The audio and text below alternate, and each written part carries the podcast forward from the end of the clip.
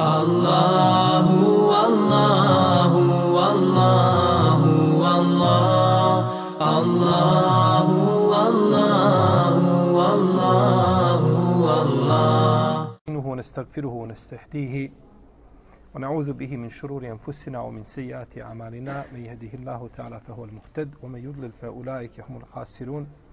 وأشهد أن لا إله إلا الله وحده لا شريك له.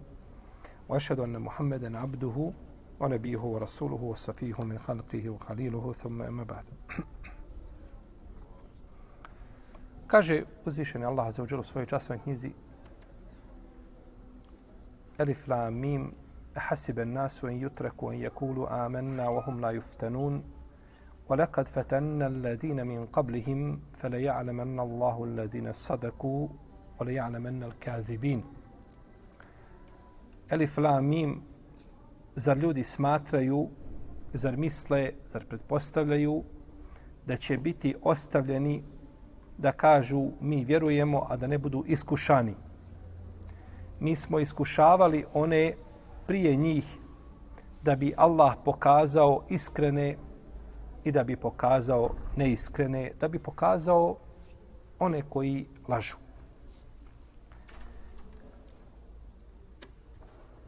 Ne postoji Allahovo stvorenje da može dokučiti mudrost Allahove odredbe. Ne može svatiti čovjek i ne može razumjeti svojim krnjavim razumom zbog čega uzvišeni Allah određuje nešto na određeni način. Kada bi to po našim ljudskim razumima i svatanjima i rezonovanjima trebalo biti drugačije. Zato što uzvišeni Allah te barake wa ta'ala jedino zna mudrost onoga što odredi.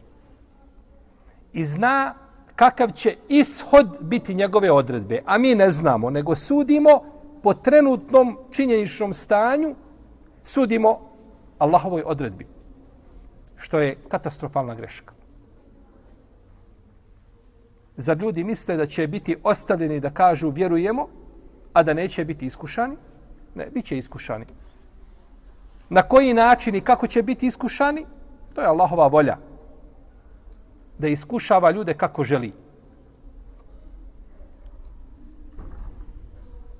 Pa su iskušenja sastavni dio ovoga dunjaluka. Ne može čovjek znači proći na ovom svijetu bez iskušenja. Međutim, uzvišeni Allah kaže: "Ome yattaqillaha yaj'al lahu makhraja U yarzuquhu min haythu la yahtasib." A onaj ko se Allaha boji, on će mu sigurno izlaz dati. I on će ga obskrbiti odakle se i ne nada. Dakle, uz ta iskušenja, iskušenja ako budu popraćena takvom bogobojaznošću, neminovno uzvišeni Allah će dati izlaz ljudima. I naprotiv ta iskušenja bit će dobro po njih. Jer je najjača kost koja se slomi pa ponovo zaraste. Ona ne puca po istom mjestu. I iskušenja nisu ni zbog čega drugog došla, nego da ojačaju vjernike. Međutim, ljudi ne vole iskušenja i teško im padaju, a u stvari uzvišen Allah time želi da ih ojača. U zadnjih par godina, a naročito u ovom zadnjem periodu, je izraženo pitanje iskušenja kroz koja prolaze naša braća u Šamu, u Siriji. I to za historiju nije ništa novo. Muslimanski ummet je prolazio od vremena Osmana radijallahu ta'ala anhu kroz historiju, kroz različita iskušenja koja su bila veća od postojećeg. Međutim, čovjek kada nešto osjeti, da kažemo uslovno na svojoj koži, ili doživi nešto, znači desi se nešto u vremenu u kome živi, pa ima priliku da vidi, da čuje, da to osjeti, bar psihički,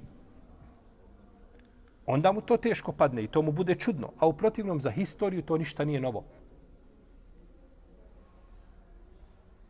Kada je 18. hijđetske godine bila glad u Medini, poznat kao Amor Ramade, kada je zemlja pocrnila od suše, devet mjeseci ni kap kiše nije pala u vrijeme Omara. Pa su ljudi došli Omeru, pa je Omer davao iz, iz Bejtul Mala, hranio ljude, dok nije nestalo. Pa i Omer je ono što ljudi jedu, pa su mu crva, kr, njegova crijeva su krčala. Pa je rekao, kaže, krčala, ne krčala, to vam je. Nema vam ništa nego što jedu muslimani. Pa je nakon toga jeo ječam. Kaže, kad muslimani budu jeli bolje, i ja ću. Nestalo, nema ništa. Pa je tražio od svojih namjesnika iz različitih oblasti da pošalju nešto stanovnicima Medine. Iz Jemena od Ebu Musa Lešarija, tražio iz Šama, uh, ovaj od Ebu Bedijevnu Žaraha iz, iz Homsa, tražio je od, od Muavije i Šama da pomognu stranicima Medine. Pa su poslali velike pomoći da prežive stranici Medine u tom teškom vremenu. Stranici Šama, iz Šama, od Muavije, iz Homsa, Himsa konkretno, gdje je bio Ebu Ubejdin Džarah, gdje je bio namjesnik. Pa je došlo vrijeme da stanovnici Medine vrate taj dug. Da vrate dobro ili da vrate boljim od onoga što su dobili. I vratili su. Vratili su to vjerujem da su stotine, ako ne hiljade milijardi došle u Medinu, u, u, u Siriju, u Šam, da pomognu muslimanima. Međutim, da li je to bilo dovoljno? To je pitanje druge prirode.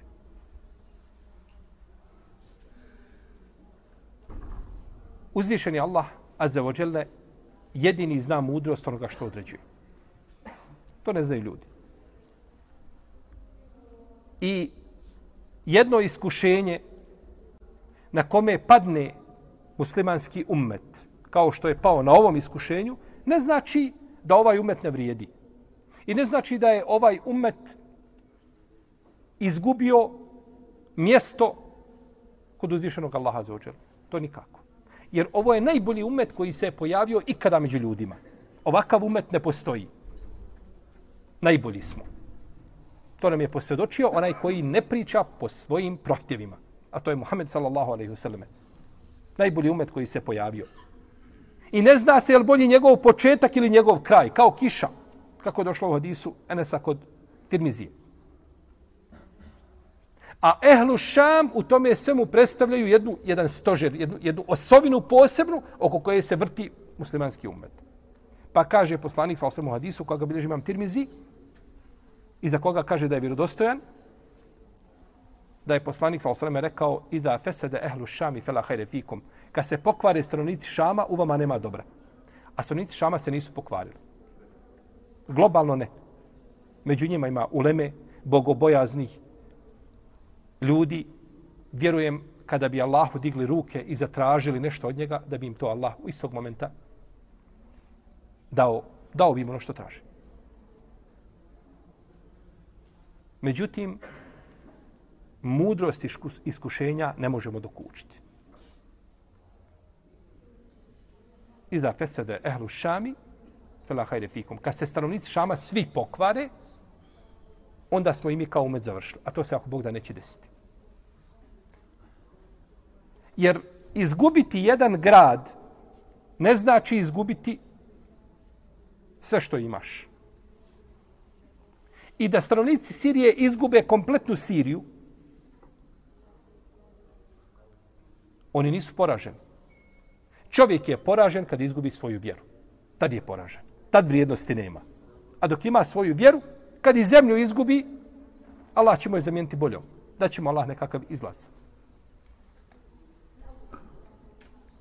Mi ne kažemo time da je muslimanski ummet skinuo odgovornost sa svoga vrata time što ćemo kazati zamijenit će im to Allah boljim. Ne, odgovornost ostaje.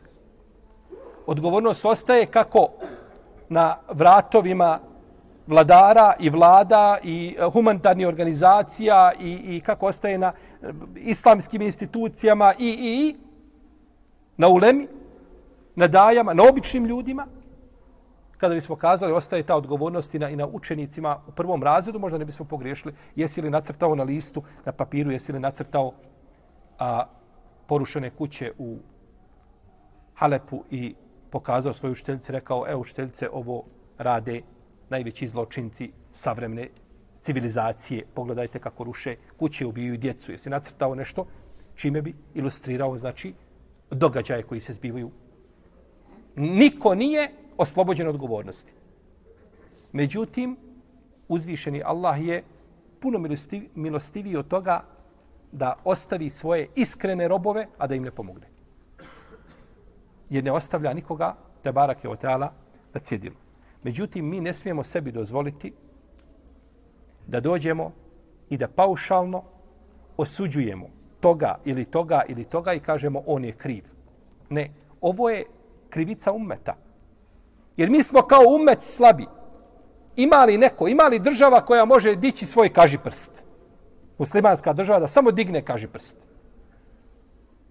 Znači da prijetju nekom uputi, nećete tako raditi. Ne postoji. Znači, kao umet smo slabi. Pa prevaljivati krivicu i svaljivati krivicu na nekoga po na osob, to je velika hrabrost. A naročito svaljivati krivicu na ulemu kao što čine maloumnici. Maloumnici kakve god diplome da nosili. Umet dok je slijedio ulemu, uvijek je bio u dobru. Umet kad je ostavio sljeđenje uleme, i radio po svojim prohtjevima, uvijek je bio u šeru i u zlu. I to je historija. I neka mi neko dođe sa historijskom činjenicom i neka mi dokaže drugačije da ga u čelo poljubi. Dođe mi sa činjenicom historija sa lažnim lancima prenosilaca. Sve lažov do lažova i dokaži mi da je Ulema bila u hajru kad je ostavila put Ulema. I danas nađete ljude, kažu za ovo sve što se dešava je kriva Ulema. To je velika hrabrost. Krivi smo mi kao ume, ulema snosi odgovornost, definitivno. Ali vi niste oslobođeni odgovornosti, ni ja sa vama. Klanjali smo akšam. Koliko nas je na seždi dovilo našoj braći u Siriji? I prošlih mjeseci i godina. Koliko smo dove upućivali, što je nam je najjednostavnije da učinimo, a najjače oružje naše je dova našem gospodaru za ođelu. Jer najviše čega se bojimo jeste da, da nas naš gospodar ne prepusti nama samima i da nas ne ostavi da nam ne pomaže. To je najveće zlo za nas i najveća nedaća. Koliko smo u tom pogledu ispunili svoju obavezu prema našoj braći u Siriji? Ali najlakše je sjediti, jel tako, i svaliti krivicu na nekoga tamo. On je trebao nešto da uradi, a ja sam trebao da aplaudiram sa strane ili da klimam glavom i da upućujem kritike ako vidim da eventualno nešto nije u redu. Uzvišeni Allah će pomoći ljude. Pomoći ovu vjeru. To je neminovno. I pomoć će doći. Intensurullaha jensurkum. Ali pod uslovom, ako Allaha pomognete, Allah će vas pomoći. Jesmo li pomogli dovoljno Allahovu vjeru? Mi kao ummet danas konkretno, jesmo li pomogli dovoljno Allahovu vjeru? Pa da zaslužimo Allahu pomoć? pitanje je. Teško je dati na njega odgovor za koji možemo tvrditi da je ispravan. Međutim, da u tom pogledu ima velike hrnjavosti, to je u to neće razumom obdanen sumnjati. Pa izgubiti nešto od zemlje ne znači da je čovjek od Allaha bezvrijedan. Najbitnije je da sačuva svoju akidu, svoje vjerovanje, a nakon toga uzvišeni Allah će otvoriti ovom umetu i učinit će ih sigurno od onih koji će voditi ovaj dunjaluk i neće ostaviti nijednu kuću na zemlji, da tu islam ući neće. Međutim, kažemo, mi smo danas slabići i nemamo glavu da može zaustaviti te horde zla, hijene koje su došle da parčaju i cijepaju muslimani, muslimanski, muslimanski ummet. I naravno, najgore u svemu tome jeste da čovjek, gledajući stalno te događaje, to krvo proliče i to je samo vezano za muslimane. Niko ne gine, nego samo muslimani. A oni koji ubijaju vjere nemaju, ili u osnovi nemaju vjere, ili ono što ispoljavaju od vjere nema veze sa vjerom. A nađete možda muslimane koji njihovi osjećaji se ne probude kada to vide. Kada ulaziš tamo negdje da gledaš vijesti, vidiš, kaže, poginulo 30 djece, granatirali e, avioni, na, najsavremenije, ne znam, oružje se koristi, 30 djece ubijeno, ti kažeš, subhanallah. I vidiš pored toga vijest da je tramvaj udario golfa na čarši gore i otvoriš to da vidiš šta je bilo, da nema slučajno povrijeđeni. A preskočiš onu vijest prvu koja je bilo, tri, ili ako je negdje autobus letio školski sa djecom, pa četvoro djece je poginulo, tragedija. Jeste, to je tragedija. Ali ta tragedija je ciljana. To niko nije htio, ni onaj vozač, ni onaj drugi što naišao u, u, u, protiv prome. Niko to nije htio. A ovamo se ciljano ubijaju djeca i ti to preskočiš samo. Zato što jednostavno srce pocrnilo, tako, slušajući te vijesti svakodnevno i prelazi, ne, ne mogu se ni osjećaj probuditi tvoji da uputiš dovu svojoj braći da ih uzvišeni Allah pomogne. Allah će ih pomoći definitivno. Samo bojati se da jednog dana ne bude nama ta ista pomoć potrebna na takav način. Pa da onda uzvratimo, jel tako, da dobijemo milost za dragu. Ono stvrti da te bar da sačuva našu braću u Halepu, cijeloj Siriji, da, da nam pokaže snagu svoje moći u tome kako će poniziti svoje neprijatelje koji su došli da ubiju i djecu i starce i žene i da ni prema kome milosti nemaju sve što slovi kao islamsko cilj im je da unište. I, I ovo je samo potvrda onoga što uvijek govorimo. Niko na zemlji nije ponižen. I nikom na zemlji se ne čini nepravda nego muslimanima ehlu sunta ul džemata. Hanefijama i malikijama i šafijama i Hanbelijama. Samo nama. Drugima se nepravda ne čini. Uživaju sva prava, kako u svojim, tako i nemuslimanskim zemljama. Jer oni znaju da vjera koja se veže za ljude i za kaburove ne može donijeti nikada nikome nikakvo dobro.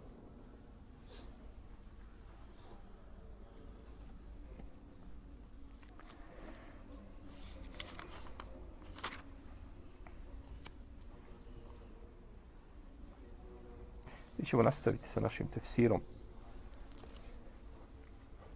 Jer od stvari koje mi možemo učiniti jeste da učimo svoju vjeru i da se držimo te vjere.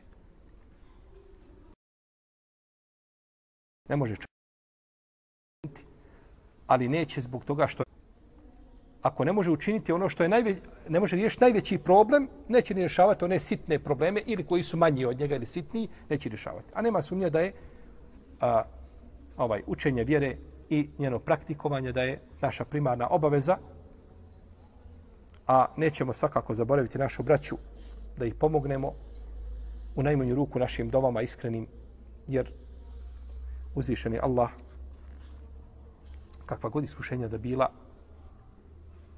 raznorazni vrsta i boja, promjena tih iskušenja i izmjena te situacije samo između kun fe kun. To uzvišeni Allah uvijek može promijeniti, ali je pitanje nas i naše iskrenosti. Mi smo zadnji put govorili o komajetu, 80. Je li tako? 79. 80. Smo završili 80. Ostavili smo nešto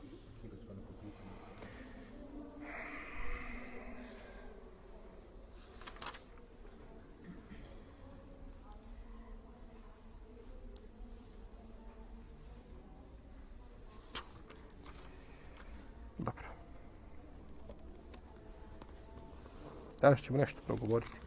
Nećemo duljiti, inša Allah, ja sam mislio da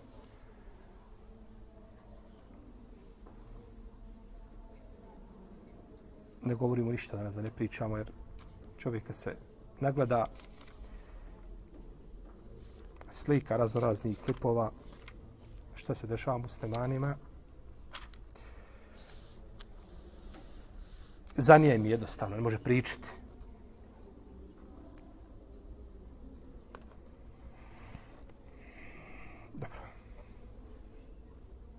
Mi smo došli zadnji put do em tekulune ala Allahi ma la ta'lamun ili govorite o Allahu ono što ne znate. Ovaj dio ajeta koriste muatezile pa kažu da se pojedinačni hadisi ne prihvataju u akidi. Pojedinačni hadisi znači koji nisu mutevatir. Ono što je došlo u hadisima, a nije prenešeno u mutevatir predajama.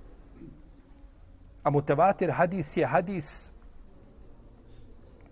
koji u svakoj generaciji prenosi tolika skupina ljudi da je nemoguće da se oni slože na neistini. To je mutevatir predanje. Pa kažu, ovdje se kaže, jel Allahu govorite ono što ne znate. Da bi, kaže, govorilo Allahu nešto, vezano za akaid, kaže, morate imati predanja koja su, a, na osnovu kojih čovjek dolazi do čistog ubjeđenja gdje ne postoji mogućnost nikakve greške u prenošenju. Jer kakav god hadis da bio, postoji mogućnost da, je, da u njemu šta postala, da ima greškica nekakva, zbog toga što su to prenijeli, znači pojedinačni prenosioci, a nije to prenijela skupina. I ovo je stav, znači, Motezila i oni koji slijede u tom mišljenju. Imam Šafija govorio o ovome pitanju u svome dijelu Er Risale i govorio imam Ibn Kajim u svom dijelu Muhtasar u Svajkel Mursale i šeheh Albani napisao dvije Risale o ovom, ovom pitanju. Dva kratka dijela napisao. Imam Ibn Abdelber kaže u svom dijelu Temhid u prvom tomu na osmoj strani kaže i oni su složni učenjaci kaže da se pojedinačni hadisi uzimaju u akajdu ako su prenošeni vjerodostojnim putem. Navodi konsensus učenjaka. Ibn Abdelber je umro polovinom petog izraelskog stoljeća. Navodi konsensus da se pojedinačni hadisi uzimaju gdje? U akajdu. Oni se u propisima uzimaju definitivno. Propisi kao propisi nisu problematični. Znači, fikski propisi način kako ćeš abdest, post, pitanje posta, neki detalji vezani za hađi, tako da nije to problem na namazi, sveč o tome što nije pojašnjeno u Kur'anu. Međutim, kažu, kada dođemo do akide, ne možemo uzimati u akidi nego nešto što je šta? Mutevatir, što liči Kur'anu u smislu mutevatira. Iako je mutevatir Kur'ana, je to najveći oblik mutevatira koji može biti. Međutim, kažu, moraju i hadisi biti mutevatir. Pojedinačne hadise ne prihvatamo u akidi. Hadis koji je prenio, znači, jedan od jednog od jednog ili dvojica od dvojice od ili trojica od trojice od trojice kažu te hadise ne prihvatamo u akidi oni ne vrijede taman bile zabilježeni kod Buhari kod Muslima i u drugim hadiskim zbirkama kaže Ibn Hajar al-Skalani u svome djelu Fethul Bari kaže kod ashaba i tabina je bilo poznato kaže da prihvataju pojedinačne hadise. I kaže nisu to nisu to kaže poricali osuđivali odbacivali kaže pa to ukazuje na njihov konsensus da su oni to znači jednoglasno prihvatali. Šta? Hadise takve prirode gdje? U u akaidu. Ovo je jako opasno pitanje možda se ne plasira ne priča se o njemu toliko ali je opasno opasno je zato što vidjet ćete zašto spomenut ćemo zašto je opasno opasno je zato što čovjeka znači a, vodi u jedan vrtlog iz koga se ne može lako izvući. Ovo su belaji problemi. Ja sam jednom profesoru pričao, jedan profesor, ja ga govorio je, pričao ljudima, ovako obraćao se. Ja ga upitam, rekao, izvinite, rekao profesor, ovaj, rekao, ne primate nikako pojedinične hadise, kaže nikako. Dobro. Rekao, onda je rekao, jedna četvrtina naše akide upitna. On gleda u mene, gleda, kaže, jeste, kaže, šta ja mogu? Allah mi uzvišao, ovako kaže, jeste, ali šta ću ja? Zbog svog batil ubjeđenja, batil ubjeđenja. Evo, ovdje konsensus spominje Ibn Abdelberi, spominje to, to Ibn Hađala Skalani, to spominje Ibn Abdel Izzel Hanefi, to spominje Šehol Saminu Temije i drugi spominju konsensus učenjaka iz prvih generacija, da nisu oko toga vodili nikakve rasprave i, i, i, i, i razglabanja i debate. Svi su prihvatali pojedinačne has, hadise u Akajdu. Kaže, jeste, kaže, šta ja mogu? Na šta možeš? Možeš krenuti od Dil Mihala živi. Eto šta možeš od ilmi hala, da kreneš, to ti je najbolje.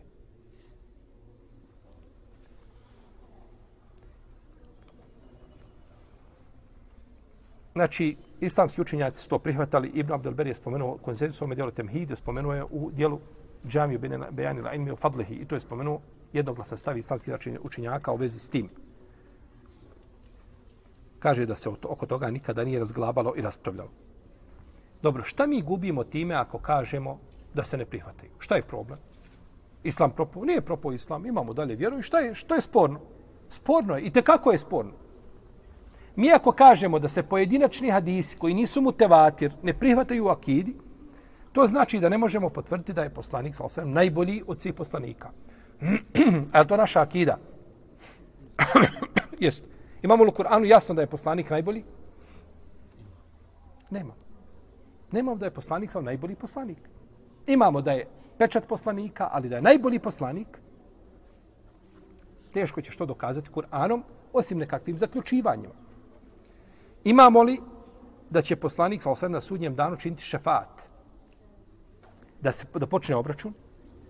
Najveći šefat koji mu je dato je posebna vrsta šefata, da će svi poslanici ustrčavati se da čine šefat, pa će doći poslanik sa pa će pasti na seždu pod aršom, da počne obračun.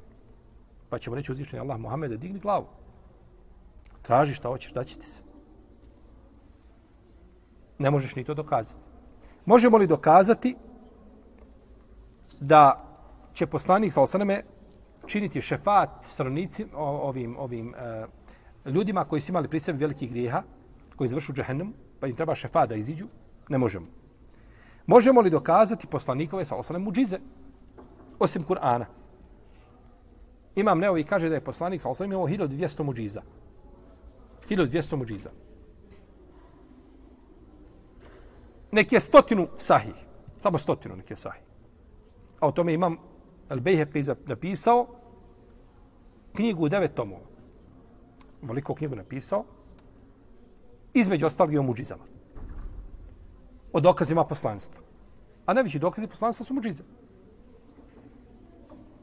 Nek je stotinu sahih. Koliko je mutevatir od tih stotinu? Ne može biti pet. Nek je deset, nek je dvadeset. 80 muđiza od dokaza poslanstva ti se odbacio. I ne vidiš u to. Možemo li dokazati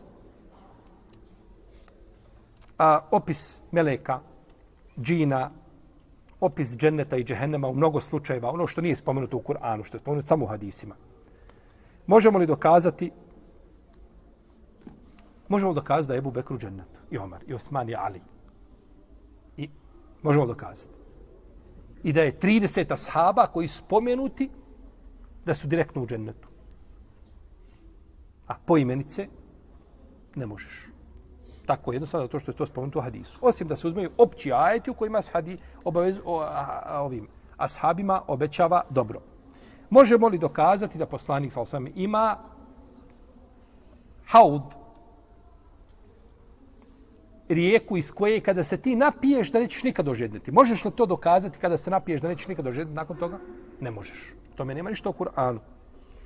Možeš li dokazati da je olovka sve zapisala? Možeš li dokazati da zemlja ne može jesti tijela poslanika? I možeš li vjerovati, smiješ li vjerovati u to? Da zemlja ne, ne može nagrizati tijela poslanika? Možeš li dokazati brojne preznake sudnjeg dana. Dolazak Mehdije, izlazak Deđala. Dolazak Isa, a.s. Kur'an nije decidno jasan po pitanju dolazka Isa, a.s. Može se razumjeti, ali se može i raspravljati oko toga. Možda će neko kazati o nekim od o deđalu možda imamo tevater hadisi, o dolasku iz sali sami imamo tevater. Možda. O drugim pitanjima nema. Kako ćeš dokazati sve te preznake sudnjeg dana koji su brojni, o kojima nema nikakvih hadisa koji su motivatori? Kako ćeš dokazati da ima munker i nekir u kaburu? Kako ćeš dokazati da će, da će kabur pritisnuti čovjeka? Kako ćeš dokazati da je uzvišen Allah zapisao čovjek koji će biti sretan ili nesretan i da mu je zapisao rizk, obskrb dok je bio u utrobi majke. Kako što dokazati? Kur'anom? Neš dokazati Kur'anom. Kako ćeš dokazati sve posebnosti koje imam Sujuti spomenuo poslaniku sal sam u dva toma? El Hasaisu Kubra ima knjigu u dva toma o posebnostima poslanika Muhameda sal sam. A nema ih u Kur'anu. Apsolutna većina toga nema u Kur'anu, nego se znači spomenuta u sunnetu. Kako ćeš to dokazati? Kako će čovjek dokazati da je poslanik sa ušao u džennet za vrijeme svoga života, da je vidio ono što je obećano vjernicima u džennetu? Kako ćeš dokazati da je njegov džin koji je pored njega da je primio islam, svakog imamo Karim, taj, taj koji je uz tebe, da je primio njegov islam i da ga nagovara nego na dobro? Kako ćemo dokazati da je izlazak sunca sa zapada od preznaka sudnjeg dana? Osim pojedinačnim hadisima. Znači, nemamo ništa nego pojedinačne hadise u vezi s tim. Nemamo tevatir hadisa. Je li vama jasno šta su mutevatir hadisi, šta su pojedinačni? Ste razumjeli svi? Znači, mutevatir prenosi mora u svakoj skupini biti, u svakoj generaciji mora biti jedna velika skupina. Neki kažu 40, 60, 70. Uglavnom mora biti velika skupina da se ne mogu složiti na neistini. I kad svi prenesu na isti način, kažu, znači, zaista je tako rekao Allahov poslanik i tako je šta. A pojedinačni hadisi, prenosi ha, poslanik rekao hadis, on od njega prenio jedan ashab, od ashaba jedan tabin ili dvojica tabina, posle dvojice tabina, svaki ima po dva učenika, četverica, posle toga osmorica, ali opet nije došao stepena čega. I ako samo u jednoj granici da prenosi stotina, pa jedan, pa stotina, pa stotina, pa stotina, nije šta. Nije mutavatir. Mora u svakoj generaciji biti šta? Veća skupina, velika skupina. Dobro. Ajde postavimo jedno pitanje za vas. Kako mi znamo da je jedan hadis mutevatir? Buharija prenio hadise od 40 ashaba. Da pretpostavim, hadis prenio. I od 60 saba prenosi 80 tabina, od 80 tabina prenosi 160 tabi tabina i tako prešao. I na kraju to Buharija zabilježio. Kako znamo da je on mutevatir? Iz Buharine šta? Hadijske zbirke. Dobro. Na kraju taj ko je zabilježio jedan sve to, ko je? Ko je to? Buharija. Je li on jedan ili 40? Koliko ima Buharija? 40? Ili jedan čovjek? Znači, na kraju je jedan čovjek tebi rekao, evo, ovo je mutevatir. Ko je čuo tih 40 svi kroz generacije, prenio to? Jedan čovjek. I opet se mutevatir, mutevatir završio na kome? Na jednom čovjeku. Jer mi prihvatamo od Buharije, da on kaže, jeste Buharija, sve je to fino. Ti stvarno Buharija, maša Allah. Ali mogao se pogriješiti. Ili mogao pogriješiti? Jeste kao što je mogao pogriješiti Zuhri prije njega, ili Katade, ili ovaj ili onaj, tako je mogao i Buharija pogriješiti. Jeste Buharija sve to u redu, ali mi hoćemo 40 ljudi koji su to čuli od tvojih šehova, koji ste uvijek sa sobom vodio, da oni to slušaju. To je musibet, to je nadaća. pa je ti se hadisi i nakon toga je jedno što mutevatir hadis nije mutevatir hadis. Imam sujutija ima djelo mutevatir hadisva, pisao je o tome imam Zrkeši, pisao imam kitani i drugi učenjaci pisali. Imam sujuti spomene hadis da je, da je, da je, da je mutevatir koji je, koji je hadis ima poremećene lance prenoslaca u, u principu se odbacuje taj hadis. A on ga spomenu mutevatir hadisima.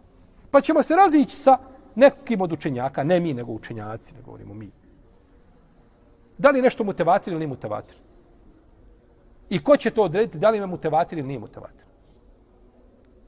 Pa se opet mutevatir vraća znači na jednog čovjeka. I dobro, a je ovako zabilježio i Buharija, i Muslim, i Tirmizi, i Nesaj, i Imam Ahmed, i, i 15 imamo hadijski zbir koji zabilježio te hadise u redu. Je opet mutevatir? Opet nije mutevatir. Gdje mi kaže kako da ostvarim taj mutevatir, molim te. Kako da dođem do tog mutevatira, koga ti hoćeš? Kad bi moralo biti prenešeno u svakoj generaciji.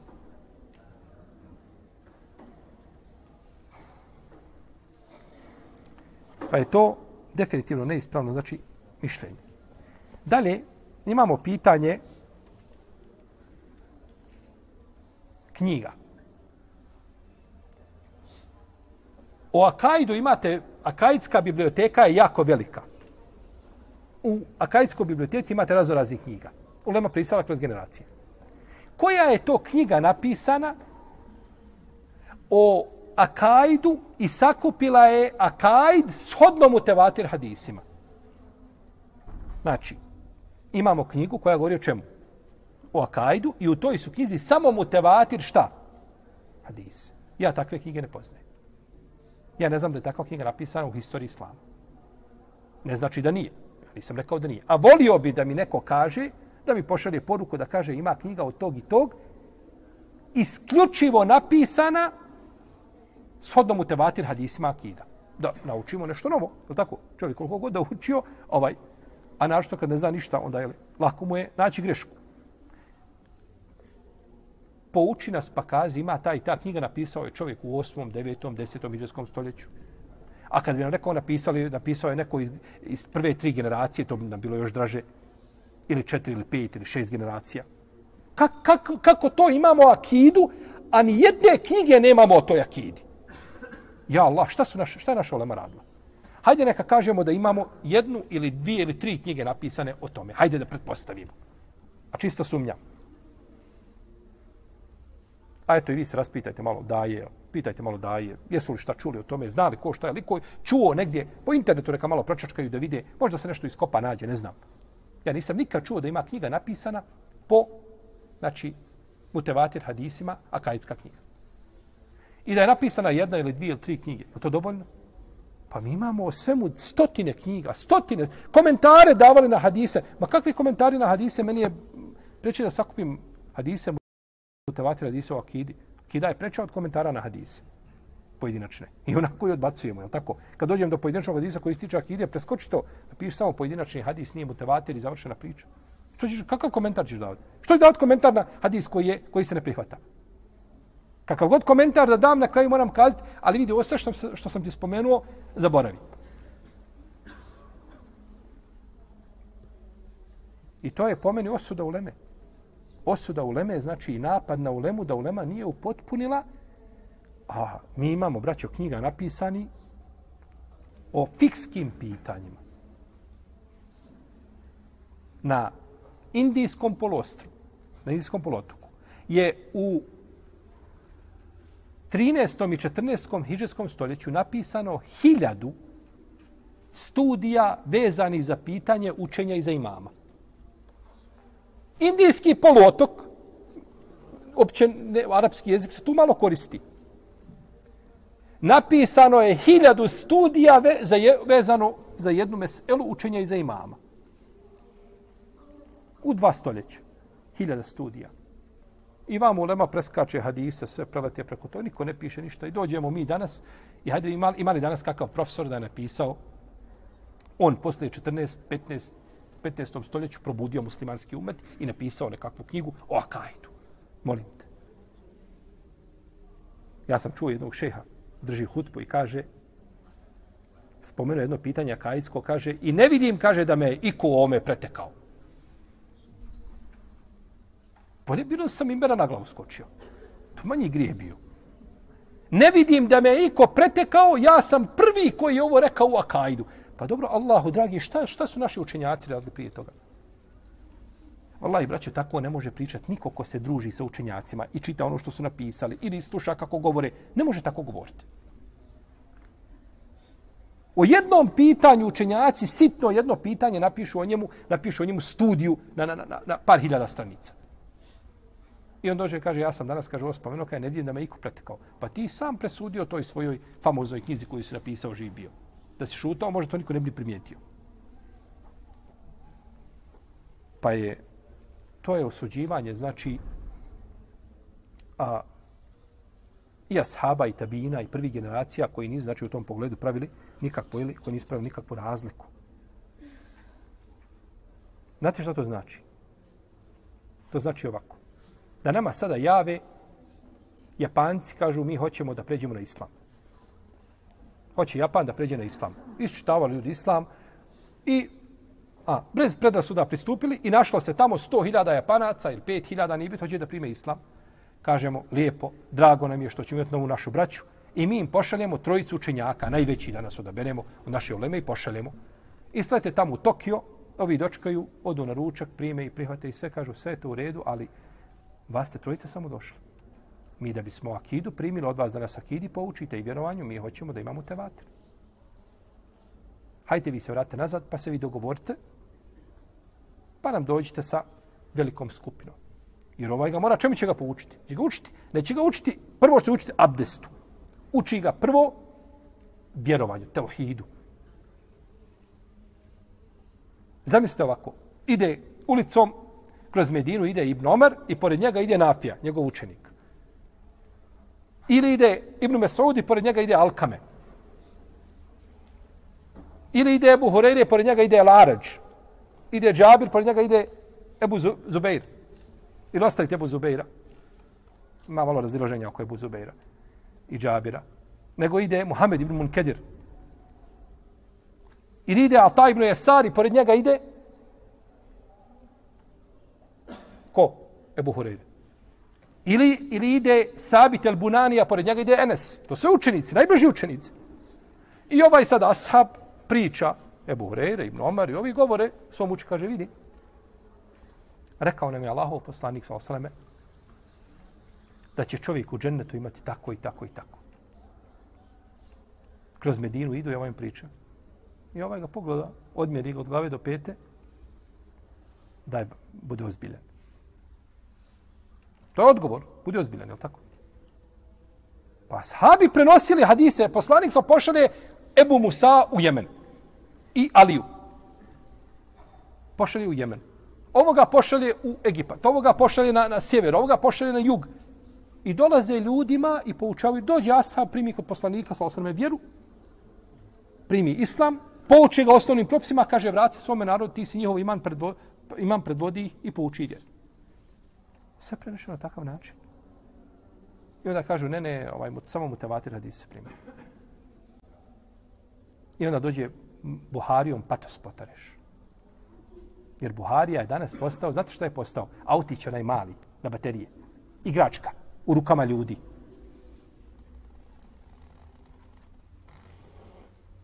Bojim se da će ona kazi, bolje, bolje bilo da nemamo prevedenog Buharije ništa. Da niko ništa prevodio nije, niko ništa ne nema. Nisti za Buharije živio. Evo, ti ili Mihal, čitaj Mihal. Kakav Buharija? Iziđu ljudi i onda, tako, na grupama, na, tamo negdje na forumima, Viberima, ne znam, u Facebooku, patos brišu Buharijom. I daje on svoje uvaženo mišljenje po, u vezi s tim hadisom. Ja, kaže, ovo, sumnjam u ovo. Ko te pita, bola? Znaš se abdestiti? Haj, vallahi, stane ovdje da se abdestiš, da vidimo samo znaš se abdest po sunnetu poslanika i da izneseš argument za to što, što, kako ćeš se abdestiti. I ljudi dođu, on, on, on mora izneti svoje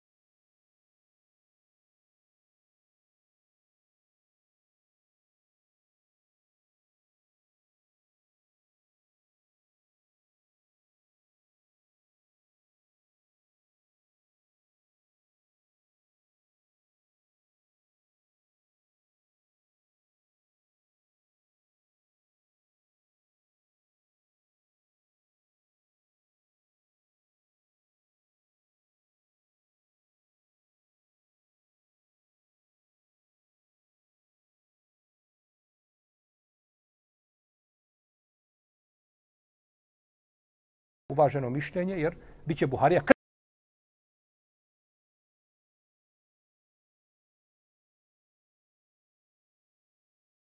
krnjav a hadisa.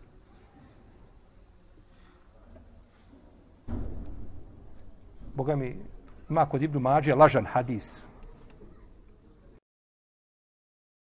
Ja, nije to moje, ja ne ocenjujem hadise živio. Nije to moje da ja ocenjujem hadise, je lažan, nije lažan, da, da se ja možda ima nekakav poseban tefsir u svemu tome da se s drugim hadisom nešto pa da ima nekakav e, komentar toga je došao slab hadis da u svome sunenu. Šta ti je mene šta si ti o svojim sunenom? Mm, I danas za zagonetka za, za, za hadijske stručnjake. Zato što imam dare kutni bio imam umeta u hadisu. Pa ostavi ta velika pitanja onima koji znaju. A ti pročitaj hadis i kaže poslaniku, sa osaleme, čuo sam i pokoravam se i radi po tom hadisu živio.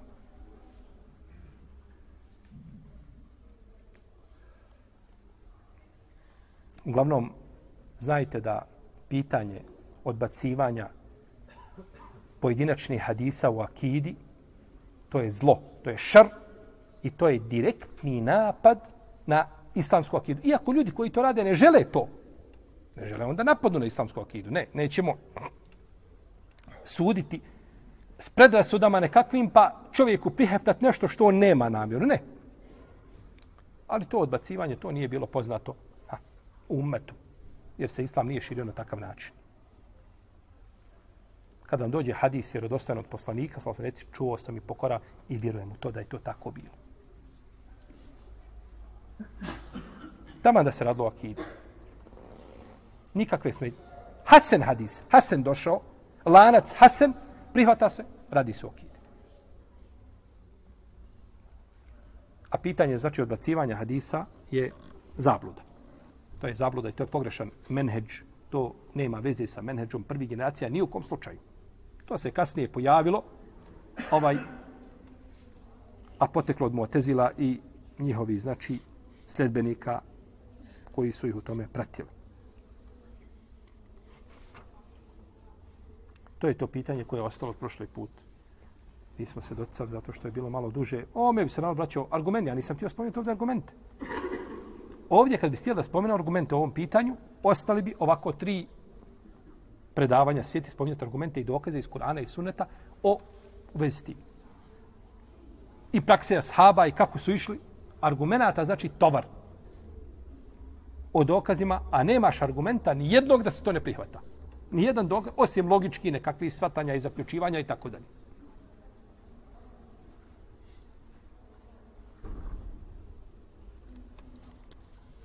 Dobro.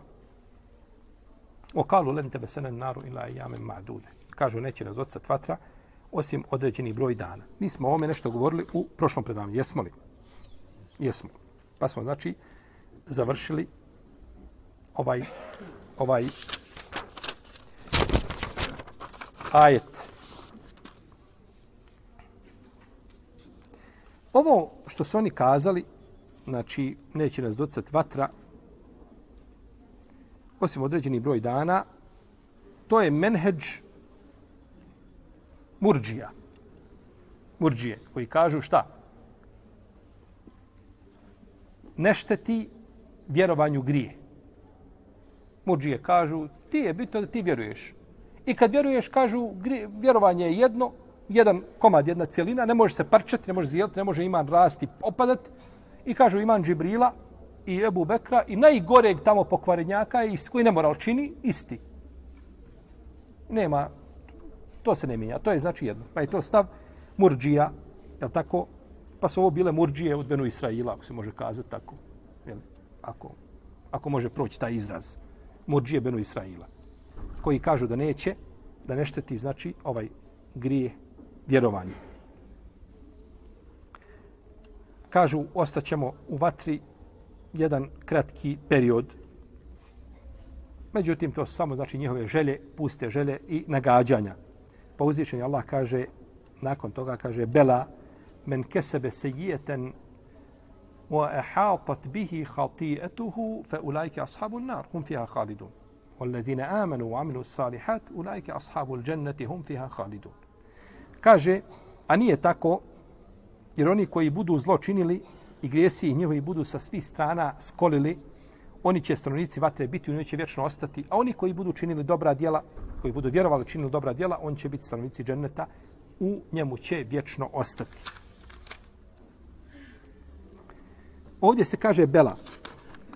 Nije tako. Bela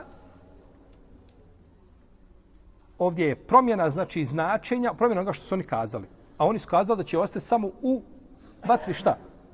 neznatan broj dana. Pa se ovim nakon toga negira ovo što su ovo što su kazali. Ko učini se je ovdje, kažu neki učinjaci da je širk. Men omen džaje bi se jeti fe kubbet vuđuhuhum fin nar. A oni koji budu zločinili, u vatru će biti strmoglavljani. Znači, radi se o čemu? O širku. Radi se o širku. Wa hatat bihi khati'atuhum. I koga budu skolili grijesi sa svih strana. Jer čovjek koji radi a grijehe širk koji čini, toga su grije skolili sa svih strana. Koliko god čovjek imao grijeha kod uzvišenog Allaha, neće grijesi obuhvatiti njega i njegova dobra dijela, osim oko u tim grijesima ima šta? Širka ili kufra. Neće ga obuhvatiti svega. Pa je ovdje spomenu, znači, grije, jeli, taj smrtni najveći grijeh, to je širk. A to je širk.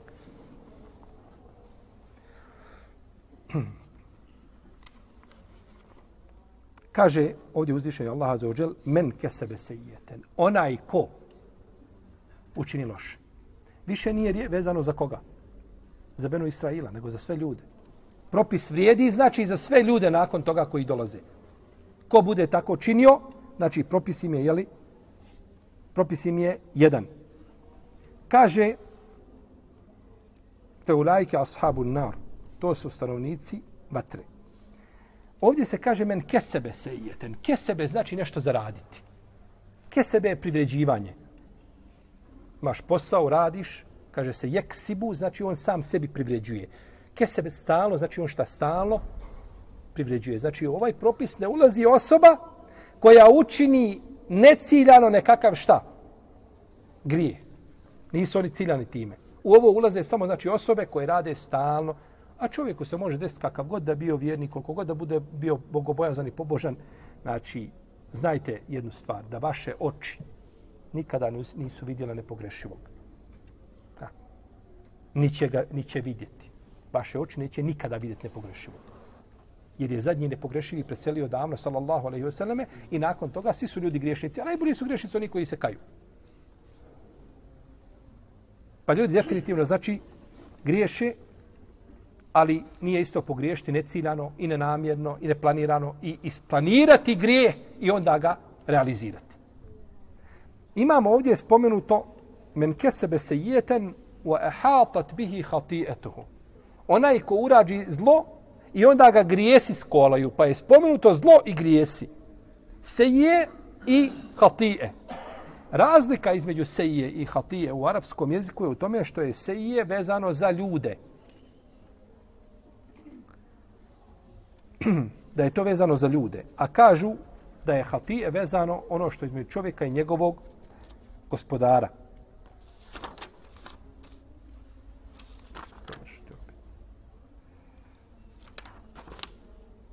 Ono što je vezano čovjeka i njegovog gospodara. I kažu da je seje ono od grijeha što čovjek planira da uradi i planirano učini, a da je hatije ono što a, nije planirao, nego mu se desilo, znači slučajno. I kažu da je seije, da se tiče velikih grijeha, a da se hatije tiče manjih propusta ili manjih grijeha. To je bila nekakva razlika, znači između, između jednog i drugog.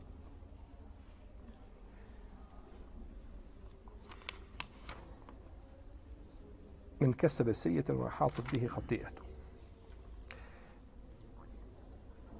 Uglavnom, pošto nam se bliži vrijeme namaza, a ostalo još nešto da progovorimo u vezi s griješenjem koje je ovdje spomenuto, to ćemo nastaviti inša Allah u našem narednom druženju. Allahu Teala. Znači, naše naredno druženje će biti, ako Bog da, u utorak. U utorak. 17. januara. 17. januara, znači, govorim naše, mislim, za predanje vezano za tefsir, jer ja neću biti ovdje, putujem, pa, znači, nastavit ćemo utorak, 17. januara, vi ćete opet tamo imati preko Facebooka, već na način kako kontaktirate, znate, ovdje sa profesorom Tarikom, on će vas obavijesti, znači, ali tu, i čuli ste, znači 17. januar utorak mi smo ponovo ovdje, a do tada će ovaj biti ovdje je vama iznenađenje veliko. Znači, u naredni ovdje utorak i onaj tamo i onaj tamo imate veliko iznenađenje. Ovaj, ja vam neću govoriti ko je. Jer bojim se ako to prenesete dalje da će biti puna džamija, ne smo ući. Pa vam neću govoriti ko je. Osim ako budete insistirali da moram kazati. Ma nije problem. Molim. Jela, bolje da kažem. Dobro. to je šejh koji je meni inspiracija za rad. Ja kad klonem, kad ne mogu, više mi se ništa ne da. Ono, znate kako je sam malakso padne, onda ja otvorim njegovo predavanje, vidim i onda imam za naredni mjesec ili dva imam snage. A to je šejh Pezić. Mašina sa dvije turbine. Pa nemojte propustiti, znači, mi imamo, znači šef će biti ovdje i on će otputovati, ali u svakom slučaju bit će u naredna, prepostavljam, tri utorka ovdje. Pa nemojte, znači, to propustiti. A mi se vidimo ako Allah drugačije ne odredi, znači u drugoj polovini januara. Allah, to Allah. Allah, Allah, Allah, Allah.